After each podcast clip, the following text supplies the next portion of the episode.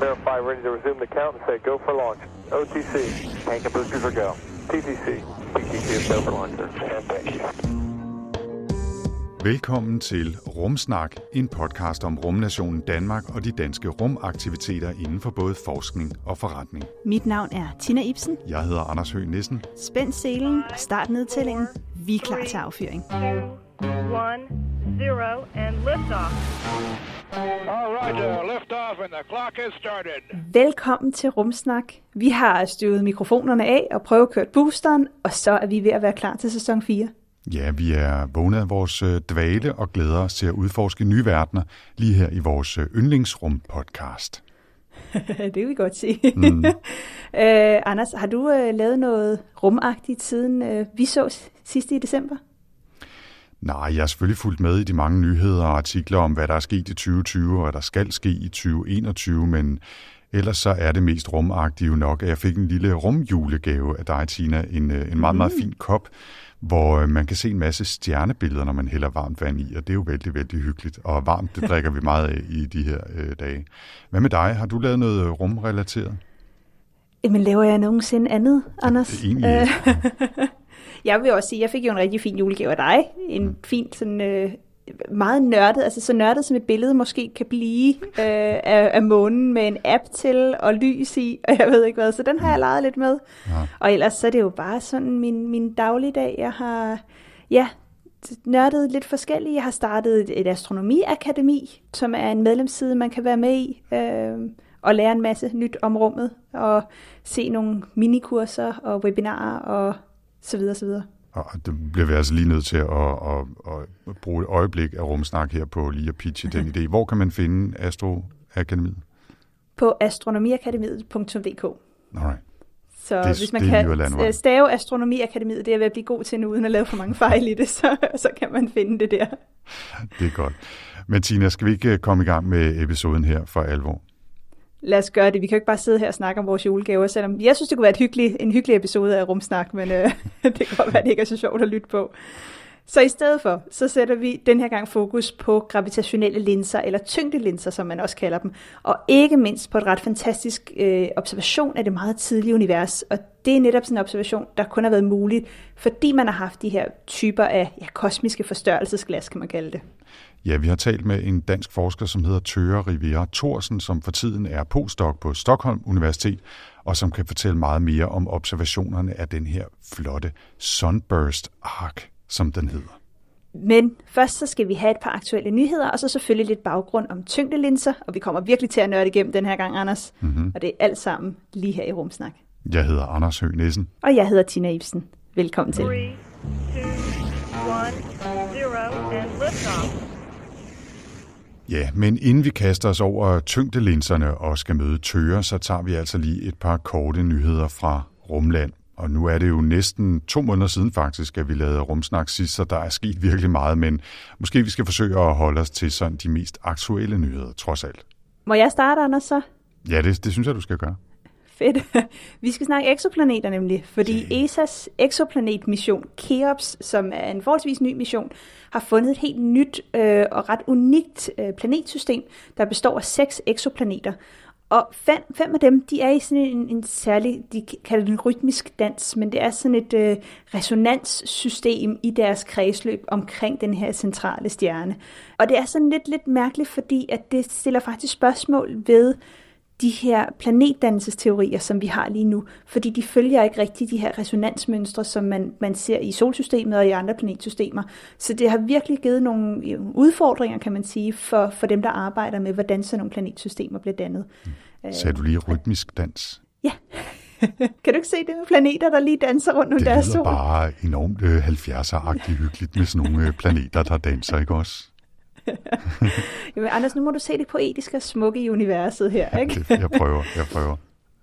Men noget af det, der er, er super fedt ved det her, det er, at, øh, at netop altså hver gang vi finder nye exoplanetsystemer, hver gang vi bliver klogere på nye systemer, så giver det os jo også øh, nogle nye input til alle de her simuleringer og al den her viden, vi har om planetdannelse, som jo så også er noget af det, der ligger bag vores eget solsystem, da det blev dannet. Så det kan sige noget om, jamen, hvor normalt er det, der bliver dannet de her små planeter, ligesom Jorden, og hvor normalt er det så, der bliver dannet sådan nogle store gasplaneter yderst. Øh, for der er også meget snak om, at planeter, efter de er blevet dannet, så migrerer de rundt, så de kan måske bytte plads, eller komme længere væk, eller tættere på deres stjerne. Men det er altså noget, som man har set i nogle computersimuleringer, men som ikke nødvendigvis er noget, man har observeret, fordi det er jo for milliarder år siden, det er sket. Mm. Så det, det er super, super spændende at finde nogle af de her nye og meget mærkelige systemer. Så det er altså noget af det fede nye, man har fået fra Keops, som er, kan man sige, ESA's flagskibsmission øh, for eksoplaneter. Spændende. Det synes jeg i hvert fald. Men hvad med dig, Anders? Jeg tænker, at du har en nyhed eller 10 med til os også. Jeg prøver at begrænse mig denne gang, ikke? men jeg, har, jeg, jeg snyder lidt, fordi jeg har samlet et par stykker i den første her. Men det, det er altså fordi, at hvis vi kigger op mod Mars øh, i de her uger og måneder, så er der nærmest øh, trafikprop deroppe. Ikke? Og det vælter jo rundt med forskellige missioner fra forskellige lande deroppe. Øh, først så var det her forleden øh, Hope-sonden fra de forenede arabiske emirater, UAE, som lige her forleden øh, altså kom frem efter at have rejst siden juli sidste år. Hope er lidt øh, specielt, fordi den skal ikke lande på Mars, men, øh, men altså gå i omløb om Mars og så studere især planetens atmosfære og vejret nede på Mars' overflade og vekselvirkning mellem vejret nede ved planetoverfladen og så de øvre lag af atmosfæren, hvor den så at sige sådan ligger ud i rummet. Øhm, lige i forhold til Hope og, og Emiraternes mission her, så synes jeg faktisk, den er lidt interessant, fordi øhm, de er en af faktisk kun fem andre altså nationer eller organisationer, der har haft held til at sende missioner til Mars. Det er USA, øh, Sovjetunionen eller Rusland, og EU og Indien, og nu altså også de forenede arabiske emirater. Jeg synes ikke, at man kan sige, at UAE har en lang historie med rumfart, men de er virkelig gået all in her på det seneste, og øh, helt øh, parentetisk så læser jeg også for nylig, at de vil etablere en international rum domstol dernede, som skal forsøge sådan at male i sager, som handler om rummet, hvis satellitter støder sammen, eller hvad ved jeg, udstyr, der ikke virker og sådan noget. Ikke? Og så er der i øvrigt også mange kvinder involveret i uh, Emiraternes projekter. Det synes jeg også er rigtig cool. Uh, de skrev om det på, på DR forleden, at uh, hvis man ser på uh, UAE's rumprograms uh, sammensætning, så er hele 80 procent af det hold kvinde, uh, kvinder, og deres øh, teknologiminister, eller minister for avanceret teknologi, er også øh, en ret ung kvinde, som, øh, som skubber på det her projekt. Det synes jeg jo er super, super cool, ikke? Jo, det er lidt uh, utroligt, man skal til Mellemøsten for at finde uh, en stor andel af kvinder i et rumprogram, ikke? Ja, det er, det er nærmest lidt uh, beskæmmende, ikke? Mm. Øhm, nu nævnte jeg, at uh, der nærmest er trafikprop ved Mars her i februar. Det er jo fordi, at ud over Hope, som altså lige er ankommet, så er NASA's uh, Perseverance på vej, og så er den kinesiske Tianwen 1 øh, og mission også lige ankommet til omløb af Mars her den 10. februar. Men i modsætning til Hope, og altså ligesom Perseverance, så skal Tianwen 1 altså også sende en rover ned på Mars' overflade, og det kommer efter planen til at ske til maj. Så den skal først lige sådan fise lidt rundt og kortlægge lidt og se, hvordan det ser ud og, og så videre, før den sender selve roveren ned. Ja, så det er sådan en dobbelt mission, ikke? Med, med en orbiter og en rover i en, så der er noget, der bliver med at kredse om Mars, og noget, der så bliver sendt ned. Ja, lige præcis. Men Tina, øhm, Perseverance, som jeg sagde fra NASA, er jo altså lige i hælene på Hope og Tianwen, og hvis man hører den her episode af Rumsnak hurtigt efter offentliggørelsen, så kan man jo faktisk også nå at følge med i øh, ankomsten, og ikke mindst følge med, når du og di, øh, dine medværter på DR skal sende direkte fra Perseverance ankomst til Mars. Ja, det bliver super spændende. Der er jo det her, som man kalder Seven Minutes of Terror, Øh, simpelthen fordi, da, at øh, Mars da. ligger så langt væk, at det tager, ja, præcis, at det tager syv minutter for signalet at nå fra Mars til Jorden. Og det vil sige, når man har landinger, det, det gælder jo også øh, både den kinesiske og, og på sigt også andre landinger, øh, så ved man først syv minutter efter landingen, om det rent faktisk er gået godt, og hele landingssekvensen tager cirka den tid. Øh, så det vil sige, det er noget, der er forprogrammeret.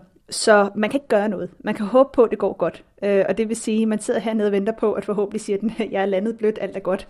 Eller, øh, som man har set i de sidste mange europæiske forsøg på at lande, øh, signalet forsvandt, hvad der sket. Øh, så, øh, så, så hvis man vil se mig øh, bide negle sammen med en masse andre nørder på tv, så kan man gøre det den, øh, den 18. februar om aftenen. Okay, og det er på DR? Det er på DR2, ja det synes jeg jo absolut, man skal gøre. Det skal jeg i hvert fald gøre, sidde og følge med, når du kloger dig. Og hvis du så får snedet et lille rumsnak med ind i stedet, så gør det jo ingenting. Men... Det kan jeg altså det er live, så de kan jo ikke, øh, de kan jo ikke De gøre noget, noget, hvad vi i gør, situationen ud, først bagefter. ja, ja. Men så kan det godt være, at jeg ikke bliver inviteret igen. Det er så selvfølgelig en risiko, du må tage. Øh, Tina, har du en øh, nyhed mere?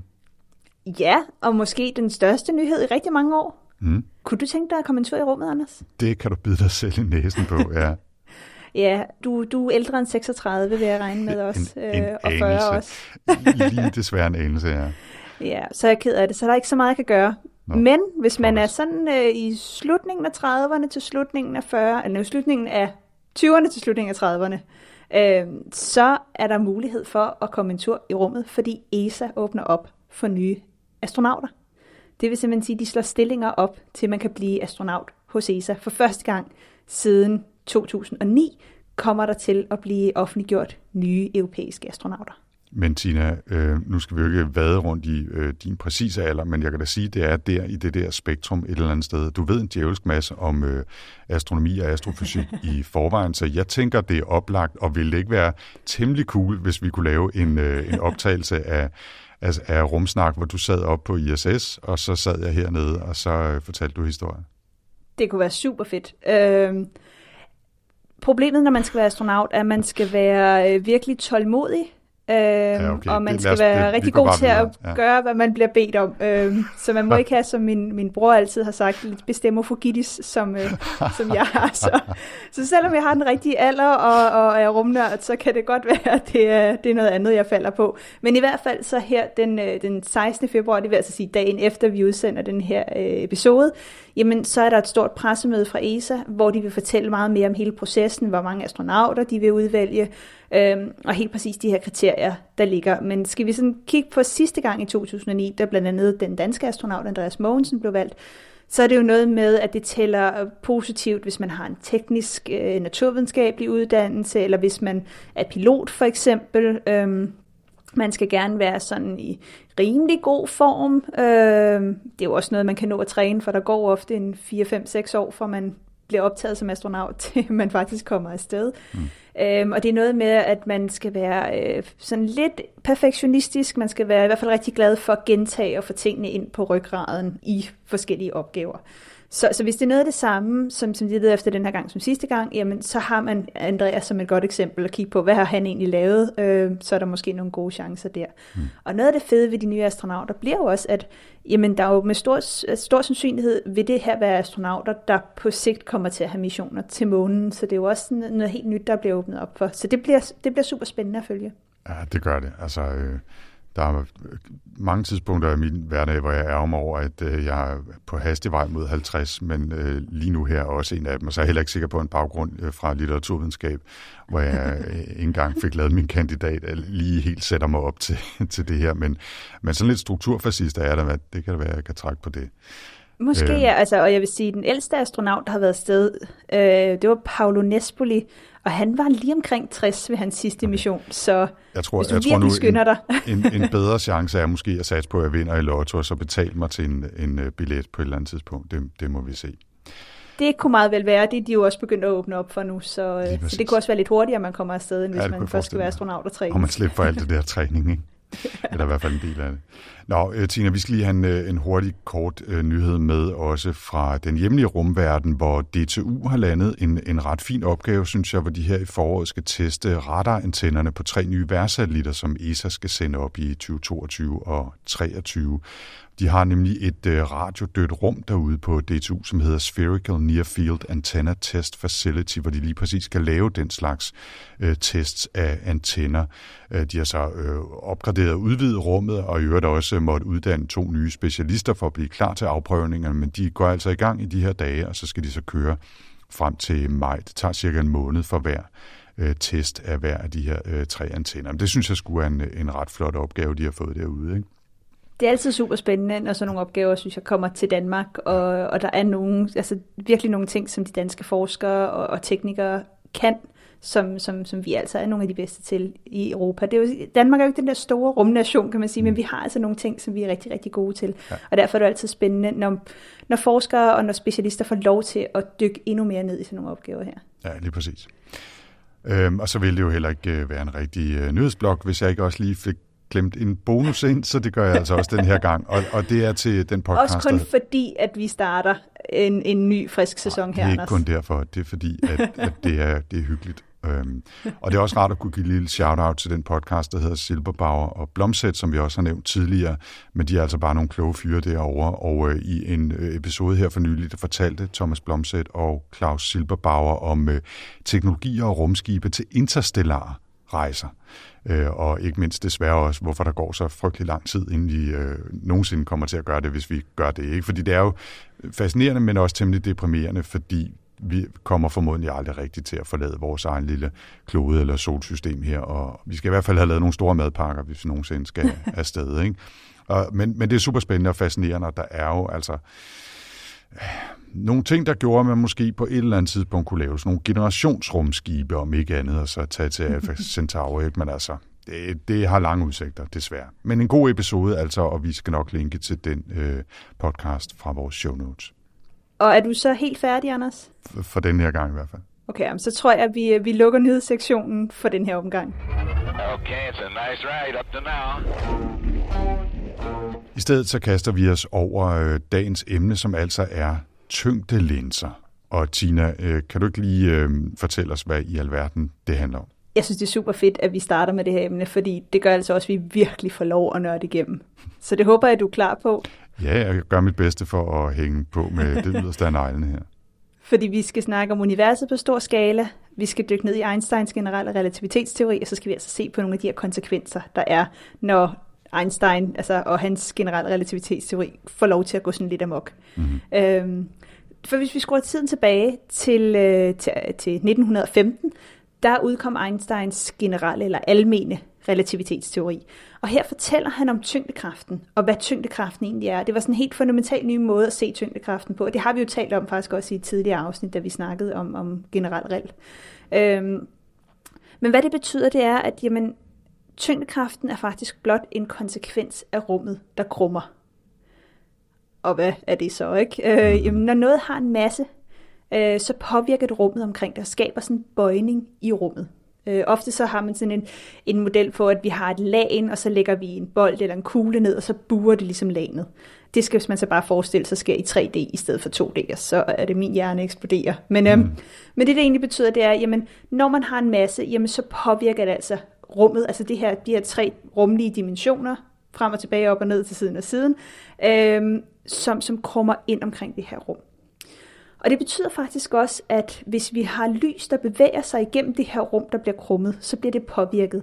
Og det var noget helt nyt i den generelle relativitetsteori, at lyset, som er masseløst, det har ikke nogen masse, det kan blive påvirket af tyngdekraften. Fordi går vi tilbage og kigger på Newtons måde, og det vi jo lærer i ja, folkeskolen og gymnasiet, så er det jo, at alt, der har en masse, påvirker ting, der har en masse.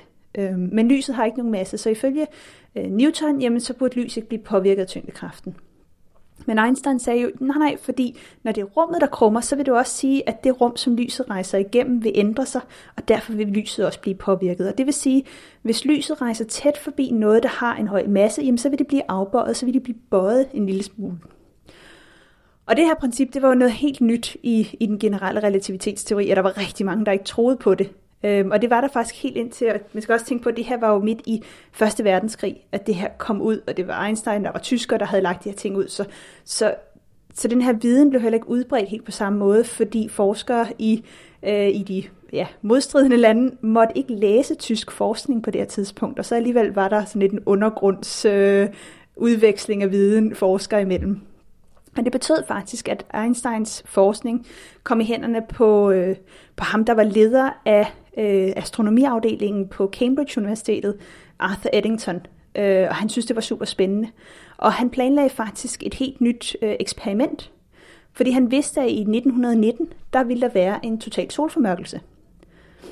Og solen har jo en stor masse, og normalt vil vi så kunne se på himlen, at når solen rejser hen over himlen, så vil det forvrænge lyset fra stjernerne. Og det vil simpelthen sige, at det vil afbøje nogle af stjernerne, så stjernernes position, når vi ser dem på himlen herfra, vil ændre sig, når det er tæt på solen. Problemet er bare, at solen lyser så kraftigt, at vi kan ikke se den her ændring. Men det Arthur Eddington han sagde, det var, jamen hvis vi nu har en total solformørkelse, kan kigge på stjernehimlen før, kan kigge på stjernehimlen under solformørkelsen på de stjerner, der ligger lige omkring solen, øh, jamen så kan vi se den her, altså effekterne fra den generelle relativitetsteori og det her, igen, det er jo lige halen af Første Verdenskrig. Man er ikke særlig glad for, at, øh, at, at det er en tysker, der har været inde og, og lave en ny teori, der jo går i stedet for, for Newton, som var den her store englænder. Øh, så, så der var rigtig, rigtig meget, øh, der, der var rigtig meget politik, der gik ind i det her forskning. Men han fik lavet sine forsøg, og han kunne faktisk se, at jamen, den her afbøjning skete. Og det var her, hvor at Einsteins generelle relativitetsteori øh, blev påvist. Så det vil altså sige, at når man har noget med en stor masse, så bøjer det rummet, og det bøjer lyset fra de bagvedliggende stjerner. Hvis vi så forestiller os, at vi har en meget, meget stor masse, så kan det her lys blive bøjet meget voldsomt, og det kan bare faktisk blive fokuseret. Lidt ligesom hvis vi har en linse i et teleskop. Og derfor, så kan, når man har det her lys, der fokuseres, så kan det faktisk virke som sådan en kæmpe ja, rumteleskop nærmest. Og det, det er faktisk det, som vi kalder for tyngdelinsning eller gravitationel linsning. Så hvis vi har et eller andet, der er meget, meget, meget tungt, så har vi noget, der er bagvedliggende, hvor lyset rejser ind. Det bliver så fokuseret ned til os. Så lige pludselig så har vi et kæmpe teleskop ude i universet, og så kan vi se noget, som vi normalt ikke ville kunne se selv med de bedste teleskoper, vi har her på jorden. Og det er altså de her tyngdelinser. Og så kan man sige, ja, hvad kan man så egentlig bruge det til? Fordi solen kan jo lidt, men så skal man vente på en total solformørkelse osv. Så, så, så, så hele den her idé med, med, med tyngdelinsning øh, var egentlig ikke noget, man, man brugte så meget, indtil at man med det dengang forholdsvis nye Hubble-teleskop i 1995 fik en rigtig god idé. Fordi mm. det man gjorde der, det var at sige, jamen nu har vi kigget på nogle galakser, vi har kigget på nogle planeter, vi har kigget på nogle stjernetog, og vi har fået mange af de her rigtig flotte billeder, som vi stadig kender i dag fra Hubble ud, og alle siger, wow, det er fint. Øh, nu har vi også tid til at lege lidt. Nu har vi haft det her teleskop, det har virket nogle år. Lad os prøve noget, der, der er nyt og lidt anderledes. Mm-hmm. Øh, og det man valgte at gøre, det var, at man sagde, okay, lad os prøve at fokusere Hubble-teleskopet et sted på himlen, hvor der ikke er noget hvor vi ikke kan se, der er noget. Det er et meget, meget, meget lille område. Så åbner vi op og kigger på det her i 10 dage. Og når man gør det, så vil det også sige, at så kan vi samle lys ind fra, fra 10 dage. Så det er jo virkelig en lang eksponeringstid. Man skal forestille sig, hvis man tog et billede med en eksponeringstid på 10 dage, i stedet for nogle sekunder, så hvis der er nogle fotonørder derude, ikke, øh, så kan man jo virkelig få samlet masser af lys ind. Ja. Og når man laver de her typer observationer, så siger man også, at vi kigger dybt ud i universet, fordi vi kan simpelthen samle det her meget, meget svage lys. Så når man kigger dybt i universet, så er det simpelthen fordi, at man kan få, få, få set noget af det her lys, der har sin oprindelse langt væk. Milliarder af lysår væk. Og noget af det fede ved det, som senere har fået navnet Hubble Deep Field, og så har man lavet Hubble Ultra Deep Field og Hubble Extreme Deep Field, hvor man bare er gået mere og mere ekstremt, ikke? Det er, at man har set områder, hvor man har samlinger af galakser. Og ved de her samlinger af galakser har man også samlinger af mørk stof. Og det vil sige, at man har enormt meget masse samlet et sted. Og det vil altså sige, at vi har nogle sindssygt gode tyngdelinser herude. Og hvis der er ligget et eller andet interessant bagved, lyset kan fokusere, så der skal man være heldig, det hele skal ligge i rigtig retning i forhold til hinanden, så har man simpelthen set nogle af de fedeste tyngdelinser, siden 1995, da man begyndte at tage de her Hubble Deep Field billeder. Og der har man virkelig fået en stor ny viden om det univers, der så ligger rigtig langt væk. Fordi det her ville være lys, der ville være... Altså når man, når man har noget, der lyser ud, skal man tænke på, at lyset bliver jo sendt i alle retninger. Og jo, jo længere væk man kommer, jo sværere bliver lyset, fordi jo mindre lys vil der være, det kan ramme. Men hvis man så har de her tyngdelinser, der faktisk går ind og fokuserer lyset igen, jamen så lige pludselig kan vi se noget, der ligger så langt væk, at vi ikke ville kunne det, selv med det bedste rumteleskop, man havde i 95, og stadig den dag i dag, nemlig Hubble-teleskopet. Og det er det, der gør tyngde, tyngdelinser så super fede. Bare lige sådan kort fortalt her om tyngdelinser og den generelle relativitetsteori. Tusind tak, uh, Tina, for den her uh, forklaring, som jeg, jeg godt synes, at jeg kunne følge med i, og så kan de fleste lyttere derude sikkert også. Og med det, der er vi nået frem til dagens gæst, han hedder Tøre Emil Rivera Thorsen og er astrofysiker og arbejder for tiden på som postdoc på øh, Stockholm Universitet. Øhm, jeg kan lige sige sådan helt parentetisk, at vi i den her sæson af Rumsnak forsøger at gøre en dyd af nødvendigheden, fordi det jo er svært at komme ud og besøge forskerne, eller for den sags skyld få dem på besøg i, øh, i vores øh, podcaststudie. Så vi er nødt til at lave vores interview via Zoom og Teams og den slags, og det har vi altså brugt som anledning til at tale med nogle af de mange danske forskere, som bor og arbejder i udlandet, og som ellers vil være svære at komme på besøg hos, eller få lukket tilbage i studiet hos os. Så vi har altså øh, snakket med Tøger, som øh, for tiden sidder på øh, Stockholm Universitet. Tør, han er oprindeligt uddannet på Dark Cosmology Center på Niels Bohr Instituttet her i København, men drog så videre til Stockholm for at tage en Ph.D., og så blev det til en postdoc-stilling i Oslo, hvor han pendlede lidt frem og tilbage, og nu er han så tilbage i Stockholm. Det er sådan en rigtig øh, forskerliv, ikke? hvor det er sådan to år her, to år der. Ja. Og han har blandt andet arbejdet med at undersøge galakser og det helt tidlige univers. Øhm, og vi skal blandt andet høre om en super spændende artikel, som Tøre han var første forfatter på faktisk, og som handler om, hvordan forskere har brugt de her øh, galakse tyngdelinser til at se på en 11 milliarder år gammel, meget, meget ung galakse. Ja, og Tøger han forklarer det også her i vores interview med ham, men sådan at man kan følge med, så øh, sætter jeg lige historien op. Og det der sker altså, at man har observeret en galakse 18,5 milliarder lysår fra jorden gennem sådan en, en tyngdelinse her. Og de observationer er i sig selv øh, super flotte, men ovenikøbet, købet, så har de så ved et helt enormt tilfælde, fordi alting lige har ligget på linje, øh, så har de faktisk haft mulighed for at se noget af den ultraviolette stråling, som findes i den her galakses centrum, og som normalt slet ikke kan observeres, fordi strålingen bliver opslugt af den støvsky, som udgør en stor del af den galakse.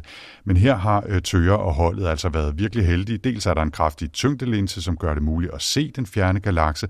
Dels er der så en, en slags hul, kan man sige, i støvskuen, som gør, at den ultraviolette stråling kan komme ud, og som giver dem en mulighed for at se ind i galaksens kerne og blive klogere på, hvordan den udvikler sig. Og det fortæller Tøger selvfølgelig også om, men allerførst så skal vi lige høre en lille smule mere om Hubble-teleskopet og de her deep field-billeder, som altså viser, hvordan selv små og tilsyneladende sorte og tomme områder i universet faktisk er proppet af støv, stjerner, galakser og håbe.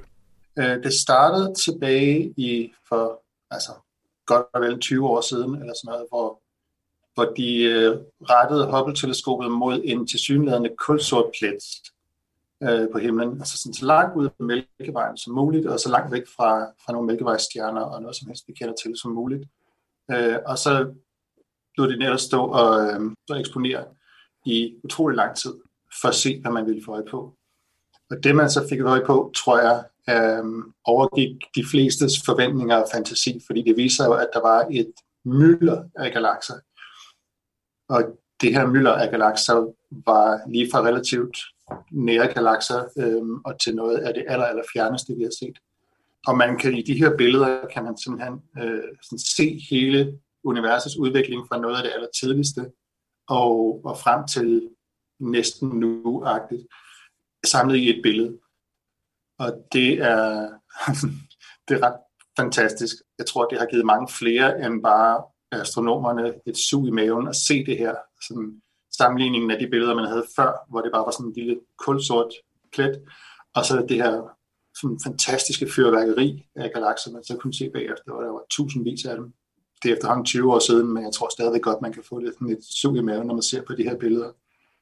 Fordi jo dybere man kigger i dem, øh, desto mere opdager man, at der knap er en eneste pixel i de her billeder, som ikke er en del af en galakse et eller andet sted.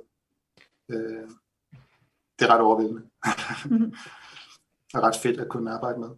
Bare lige som, øh, som fun fact øh, smider jeg ind her fra Wikipedia, som jo er øh, sitet, der aldrig lyver, så nu håber jeg, det er sandt, øh, det jeg siger, men at det oprindelige Hubble Deep Field, det svarer til at tage en tennisbold og lægge den på, ud på 100 meters afstand. Det er sådan en lille plet af himlen, man har zoomet ind på, øh, og så bare opdaget, at det, man troede var en mørk plet, øh, dækker over en hel masse ting, man kan se øh, længere ude øh, og længere tilbage. Så det er altså virkelig, det er virkelig et lille, et lille billede, som har afsløret nærmest det univers i universet, ikke? Jo, jeg plejer at sammenligne det med månens størrelse, fordi månen er omkring øh, 30 bogminutter, øh, det vil sige en halv grad i vinkel øh, fra den ene ende til den anden diameter. Og øh, Hubble Deep Field er to gange to bogminutter, så det er en femtende del af månens øh, størrelse øh, på hver led. Så det synes jeg giver et meget godt billede af, hvor, hvor småt det egentlig er. Men, men udover selvfølgelig at se en masse galakser, så kan man også se de her gravitationelle linser, øh, og den her gravitationelle linseeffekt nogle gange. Vil du ikke fortælle lidt om, hvad er det egentlig, Tøger? Og hvad kan man bruge dem til? Det vil jeg gerne. Det er en effekt, der kommer faktisk af Einsteins almindelige relativitetsteori. Ja, den kommer jo ikke af min, men, men den blev opdaget i, i forbindelse med Einsteins almindelige relativitetsteori, hvor han opdagede, at øh, tyngdekraft faktisk kan virke på ting, der ikke har masse. Og det, der så sker, er, at meget tunge ting, øh, altså meget store massekoncentrationer, det kan bøje lys øh, i sin bane, og på den måde kan det fokusere lysstråler, øh, som ellers var sådan fløjet i hver deres retning, eller havde været parallelle, og have en sådan slags linseeffekt, altså en forstørrende og forvrængende effekt på de her billeder. Ja, og man kan bruge det på rigtig mange måder. Hvad har du øh, fokuseret på? Altså, hvilken øh, brug af tyngdelinser har du primært arbejdet med? Øh, jeg har selv mest arbejdet med dem som kosmiske teleskoper og kigge på de galakser, som vi kan være heldige at se forstørret igennem dem. Der har jeg så været heldig, at den ekspertise, jeg fik opbygget i, under min Ph.D. her i Stockholm, hvor jeg arbejdede med de her nærstudier, de her meget detaljerede studier af galakser, som er relativt tæt på, men af en bestemt type, som er, som er ret sjældne i universet nu, men som vi tror er en meget god, skal man sige, analog til, hvordan typiske galakser var øh, for 10 milliarder år siden. Dem har jeg studeret ret meget i detalje, og nu har jeg så fået muligheden for, eller det fik jeg, da jeg øh, kom til at arbejde i Oslo, øh, fik jeg så muligheden for at studere den samme type galakser igennem de her tyngdelinse øh, naturlige teleskoper, og se, hvor meget de faktisk ligner hinanden i forhold til, til dem, jeg havde studeret tidligere her i Stockholm. Det var en ret fed måde at få lov at bringe to forskellige verden sammen. Og samtidig så var jeg også heldig, at jeg var en af relativt få, som, som kan den slags, som lige øh, fik lov at være med i det samarbejde på det tidspunkt. Og det resulterede jo det, som bliver kaldt for The Sunburst Arc. Hvad er det, øh, hvad er det og hvad, hvad er det, man kan se netop i det arbejde, som du jo var første forfatter på også? Det er et eksempel på en, øh, sådan en, en, en starburst-galakse, som det hedder. Altså en galakse, som er meget aktivt stjernedannende, øh, ligesom dem, jeg også havde kigget på i Stockholm, men som sagt, øh, som vi mener er meget mere almindelige i det tidlige univers. Og den her galakse, der kigger vi på lys, som blev udsendt for omkring mellem 10 og 11 milliarder år siden, og altså har været øh, undervejs til os øh, siden længe før der overhovedet var tænkt på solsystemet, hvilket også er en lidt vild tanke i virkeligheden.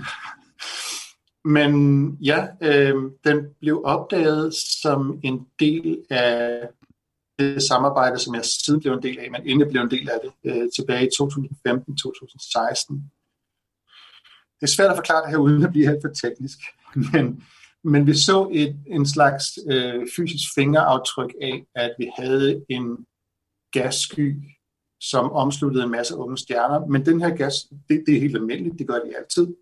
Men den her gassky, den havde et hul i sig, et, øh, et ret lille hul, øh, men også et meget tomt hul, som tilfældigvis peger lige i vores retning. Øh, og som tilfældigvis findes i den her øh, meget stærkt linsede galakse, og som tilfældigvis er blevet øh, forstørret og forstærket og, og brudt op i, på sådan en måde, så vi kan se den i 12 forskellige kopier i den her linse. Og så var det så, at vi tænkte, når der er et hul i den her brintgas, øh, som gør, at man kan kigge direkte ind til stjernerne øh, inde, øh, inde i gassen, så betyder det, at øh, der også må kunne slippe den her øh, såkaldte ioniserende stråling ud. Øhm, det var ret fantastisk, fordi at finde galakser, hvor der slipper ioniserende stråling ud, det er stadigvæk sådan noget, som, som man er heldig, hvis man finder et par stykker. Altså, øh, folk har arbejdet på det omkring et år 10 eller mere, øhm, og vi har måske et sted mellem 50 og 100 kendte, hvoraf, øh, hvoraf to tredjedele er fundet efter, at vi øh, offentliggjorde det her med, med Sunburst Arc øh, arbejdet.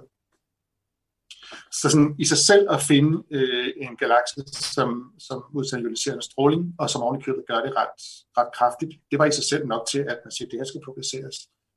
Men fordi vi var så heldige, at, øh, at den var tyngdelinset, så kunne man også lige pludselig se i meget større detalje, hvor i galaksen den her ioniserende stråling kom fra. Øh, det er noget, man ikke kan se nogen andre steder. Øh, det er faktisk første gang, man har kunnet se det i så god detalje. Vi kan fastslå ned til, til øh, omkring 100 lysår øh, i galaksen, som ligger 11 milliarder eller 18 milliarder lysår væk, øh, hvor den her ioniserende stråling kommer fra. Øh, det kan man ikke engang i, i Mælkevejens eget nabolag øh, af tekniske årsager. Så det var også ret fedt. Og det var også, at man kunne se, at den her ioniserende stråling fuldstændig som forventet udelukkende kom fra et sted i galaksen, nemlig lige der, hvor vi havde den her, øh, der hvor vi havde forudset, øh, forudsagt det ud fra, fra det data, vi havde fået tidligere. Øh, og det må jeg jo nok sige, det var en af de vildeste ting, jeg har oplevet i min tid som professionel inden for astronomi. Det var at stå med det der trykte nummer af Science i hånden med mit navn på en artikel der. Det giver ret mange øh, nørdpoint at have det. Okay, it's a nice ride up to now. Tøre, øh, du, du har forklaret, at det var altså tilfældigheder oven på tilfældigheder nærmest, at I kunne lave de observationer, øh, I, I gjorde, eller I var meget, meget heldige. Nu er universet jo også et stort øh, sted, så selv meget, meget usandsynlige ting sker jo trods alt øh, en gang imellem, inklusiv altså, at have en, en øh, tyngdelinse, som er af en tilstrækkelig kvalitet til, at I lige præcis kan se hen på en meget, meget gammel øh, galakse, og lige præcis finde det rigtige hul øh, igennem en sky, og øh, kunne gøre de observationer, I, I gør af den her ioniserende stråling. Men, men øh, prøv lige at forklare igen, altså hvorfor er den her øh, ioniserende stråling vigtig? Altså det var jo, det var jo den, I, I øh, nåede frem til at kunne observere efter alt det her arbejde osv. Hvad, hvad er det, den kan fortælle jer? Det allermeste af sådan det almindelige stof i universet, det er brintgas. Øh, ja, det betyder også, at, øh, at hvilket som helst, øh, hvilket som helst foton, hvilket som helst lyspartikel, som flyver et eller andet sted, den har en ret høj sandsynlighed for at møde et brintgasatom på et eller andet tidspunkt. Øh, og hvis det her lys har tilstrækkelig høj energi, så kan det ionisere brintgassen. Det vil sige, at den øh, kan ramme sammen med atomet, og så kan den, fordi den har så høj energi, så kan den slå elektronen løs fra kernen. Et brintatom er jo det mest simple atom, der findes, med bare én proton og én elektron, og, og det er det. Øhm, og hvis lys har tilstrækkelig høj energi, så kan det slå øh, elektronen løs fra kernen. Og i den proces, der bliver, der bliver lyset så også, øh, også absorberet, øh, så det kan ikke flyve videre. Øhm, det betyder, at når man ser på en galakse, som typisk består af en masse meget unge stjerner, øh, pakket ind i en stor dyne af brintgas, øh, så vil der typisk være sådan, at der er ioniseret inde i, i sådan en boble, men udefra kan man ikke se noget af den her ioniserende stråling, fordi den bliver absorberet, når den prøver at komme ud. Og i den proces ioniserer den sig boblen. Men på et eller andet tidspunkt, øh, hvis der er tilstrækkeligt meget ioniserende stråling, og der ikke er så meget gas, så vil den selvfølgelig have ioniseret det hele, og så begynder den at kunne bryde ud, og man begynder at kunne se det. Øhm, sådan gør det nogle gange. Andre gange så går det så som sagt sådan, at et eller andet laver et hul i gassen, så den kan komme ud i en bestemt retning, men stadigvæk er fanget i de andre retninger. Og det har betydning ikke bare for enkelte galakser, men også for kosmologi, fordi oprindeligt var hele universet neutralt. Eller ikke oprindeligt.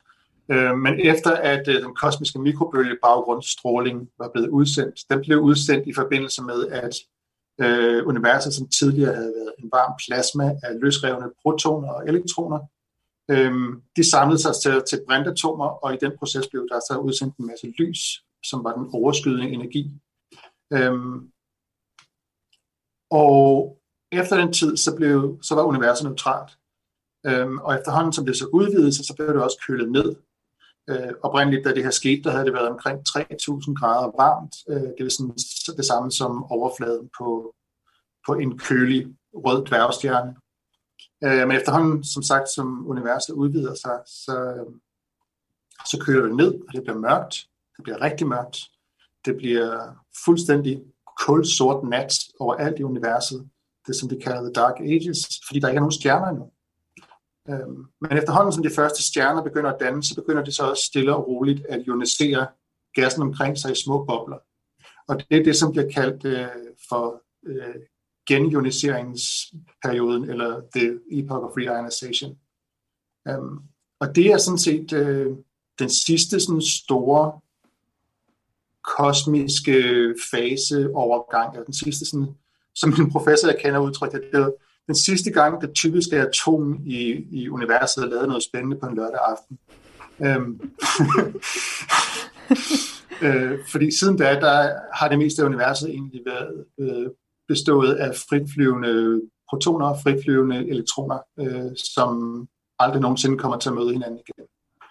Øh, men den her genioniseringsperiode, som foregik øh, den første halve milliard år måske af universets øh, levetid, den ved vi ikke rigtig så meget om præcis, hvad den skete. Altså vi ved, at det var de første stjerner og de første kvasarer, som gjorde det.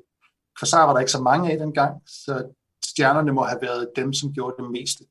Men problemet er jo netop, at vi ved fra galakser, at stjernerne plejer at være pakket ind i tyk brintgas, så gassen har svært ved, altså, så strålingen har svært ved at komme ud af det. Øhm, så det er sådan lidt et dilemma. Øhm, det er nødt til at kunne være kommet ud af dem på en måde. Øh, men vi ved også, at det har rigtig svært ved at komme ud af dem. Øh, så der går en masse, en masse energi lige nu til at forske i, hvordan den her stråling mund kan være kommet ud af de første galakser, i løbet af de første par hundrede millioner år af universets historie. Øhm, og der er det jo selvfølgelig fantastisk at kunne få et billede af en galakse, som godt nok ikke er fra den periode, men fra lidt senere, men ikke ret meget senere, sådan kosmisk set. Øh, og som man samtidig kan se i en detalje, som hvis det havde været et lokalt univers. Fordi når man kigger på de afstande normalt, så kan vi jo ikke se andet normalt end en lille bitte tværet plet. Øh, og her kan vi jo se sådan alt muligt sådan fede sådan skyformationer og, og stjernehobe og sådan nogle ting, som, som gør det vanvittigt interessant at kigge på i detalje. Så vi har fået et meget sjældent sådan snapshot af, hvordan det her mund kan have virket, øhm, som vi kan kigge på i en detalje, som vi ellers aldrig har mulighed for at gøre. Så forhåbentlig kan vi lære noget om genioniseringsperioden ved hjælp af den her galakse, og ellers skal vi bare lære en masse om, hvordan galakser de, øh, de så ud, og hvordan de virkede for omkring 11 milliarder år siden. Så tør jeg ovenpå artikel i Science, og måske være en af de heldigste mennesker i astronomi lige i en periode her. Hvad, hvad så nu? Øh, regner du med at kunne blive heldig igen, eller hvad, hvad er den næste del af arbejdet, du nu vil kaste over? Altså, det er nok ikke noget, man skal satse på, øh, den slags held. Øh, det kommer ikke så godt afsted med. Men man kan jo, dyrke sit, man kan jo opdyrke sit held lidt ved at øh, have øjnene åbne og, og holde mulighederne åbne. Og, og sådan. Øh, lige nu så laver vi en masse opfølgningsarbejde på den her Sunburst Arc, eller solbrudsbuen, som vel er den bedste danske oversættelse, jeg kan komme på. I hvert fald den mest poetiske. Fordi vi har jo virkelig kun lige krasset i overfladen. Så vi har lige opdaget, hvor spændende og interessant den er men vi har ikke rigtig fået sådan pløjet os igennem at det arbejde, der er med at, øh, at finde ud af, hvordan den virker. Um, øhm, altså et af de mest spændende ting er, at i den her galakse, på grund af det her hul i gassen, og fordi den har så stor rødforskydning, som gør, at Mælkevejens egen brintgas ikke blokerer for den her ioniserende stråling, så kan man se ikke bare et billede, men man kan faktisk få spektroskopisk information om lyset fra de her meget unge, øh, meget unge, meget massive stjerner, som er i centrum af den her galakse. Og det er faktisk stort set det eneste sted i universet, man kan det. Fordi enten så er galakserne, hvor man ser, finder ioniserende stråling, den er, de er for langt væk, øh, og så bliver lyset for svagt til, at man kan tage spektre af det. Øh, eller også så er de så tæt på, at Mælkevejens egen gas blokerer for det meste af det. Øh, så det her er, er sådan et ret unikt tilfælde, og det betyder, at man kan bruge det til at teste øh, alle mulige modeller for, hvordan stjerner egentlig virker. Der er masser af folk, som forsker i sådan numeriske computersimulationer af, hvordan stjerner virker. Øhm, og de har masser af data til at kalibrere den ikke-ioniserende del af det, men der er faktisk ikke nogen data til at kalibrere den ioniserende del af det endnu. Så der er jeg, det er ikke mig, der leder det, men jeg er med øh, i et projekt, som skal, som skal få nogle data, hvor vi venter på nogle observationer fra Hubble. Øh, og der skal, vi også, øh, der skal vi også samarbejde med nogle folk, som arbejder med de her øh, numeriske simuleringer. Øh, og det bliver rigtig spændende. Øh, men derudover så arbejder jeg også med andre ting. Øh, I min nuværende stilling er det ikke primært det her, jeg skal arbejde med. Øh, jeg er i gang med at prøve at finde ioniserende stråling fra galakser i et af øh, de her Hubble Deep Fields. Så det, øh, det bruger jeg faktisk det meste af min tid på for tiden. Og forhåbentlig så har vi et eller andet klar inden for nogle måneder, men øh, det ved man jo aldrig præcist med den her slags arbejde. Måske er det eneste, vi har klar, at øh, vi kan sige, at vi ikke fandt noget. Og Det er et kedeligt resultat, men det er også et resultat. Og det fortalte altså her Tøre Emil Rivera Thorsen, der som sagt blandt andet arbejder videre med spektrografiske analyser af observationerne fra Sunburst Arc, og som øvrigt også håber måske en dag snart at kunne lave nye observationer fra det kommende James Webb-teleskop. Ja, det tror jeg, der er mange astronomer, der gør derude. Og vi har jo tidligere fortalt om, øh, om James Webb-teleskopet her i Rumsnak, som jo er blevet udskudt utallige gange. Lige nu siger planen, det skulle, den, den skal opsendes her i slutningen af 2021, så det vil jo altså sige i sæson 5 af Rumsnak, når vi når dertil. Men lad os nu se, om, øh, om det bliver i sæson 5, eller måske sæson 10, eller 12, eller 14. Ja, lad os se, hvordan det går. Og med det er Rumsnak landet efter denne første episode af sæson 4, og vi er glade for at være her igen. Det er vi i hvert fald. Og vi vender naturligvis tilbage igen om 14 dage, hvor det skal handle om brugen af satellitdata til observation af både byer, marker, farvande og meget mere her på jorden. Og hvis man ellers gerne vil vide mere om Rumsnak, så kan man finde os på Facebook, hvor Rumsnak har sin egen side. Og husk også at tjekke vores show notes til podcasten, hvor vi linker til mere information om tyngdelinser og historierne fra vores nyhedsblog. Hvis man har spørgsmål eller kommentarer, så kan man selvfølgelig skrive til os på Facebook, men man kan også finde os på Twitter med hashtagget rumsnak. Jeg kan også findes på at Tina Ibsen. Og jeg hedder Anders, stadig 4ND3RS på Twitter. Vi tager altid meget gerne imod input og idéer. Husk også, hvis du synes, det været spændende at lytte til Rumsnak, så er du altså meget velkommen til at dele den her podcast med familie, venner og andre rumnørder derude. Og så vil det også være rigtig fornemt, hvis du har lyst her i starten af sæson 4 til at give os nogle stjerner og en vurdering i Apple Podcasts. Vi takker, uanset hvilken rating du giver, og al feedback modtages i øvrigt med kysshånd. Rumsnak er sponsoreret af Otto Mønsteds Fond og Vild Knudsens Fond og bliver produceret af Potlab. Jeg hedder Tina Ibsen. Og jeg hedder Anders Høgh Nissen. Tak for denne gang. Back here.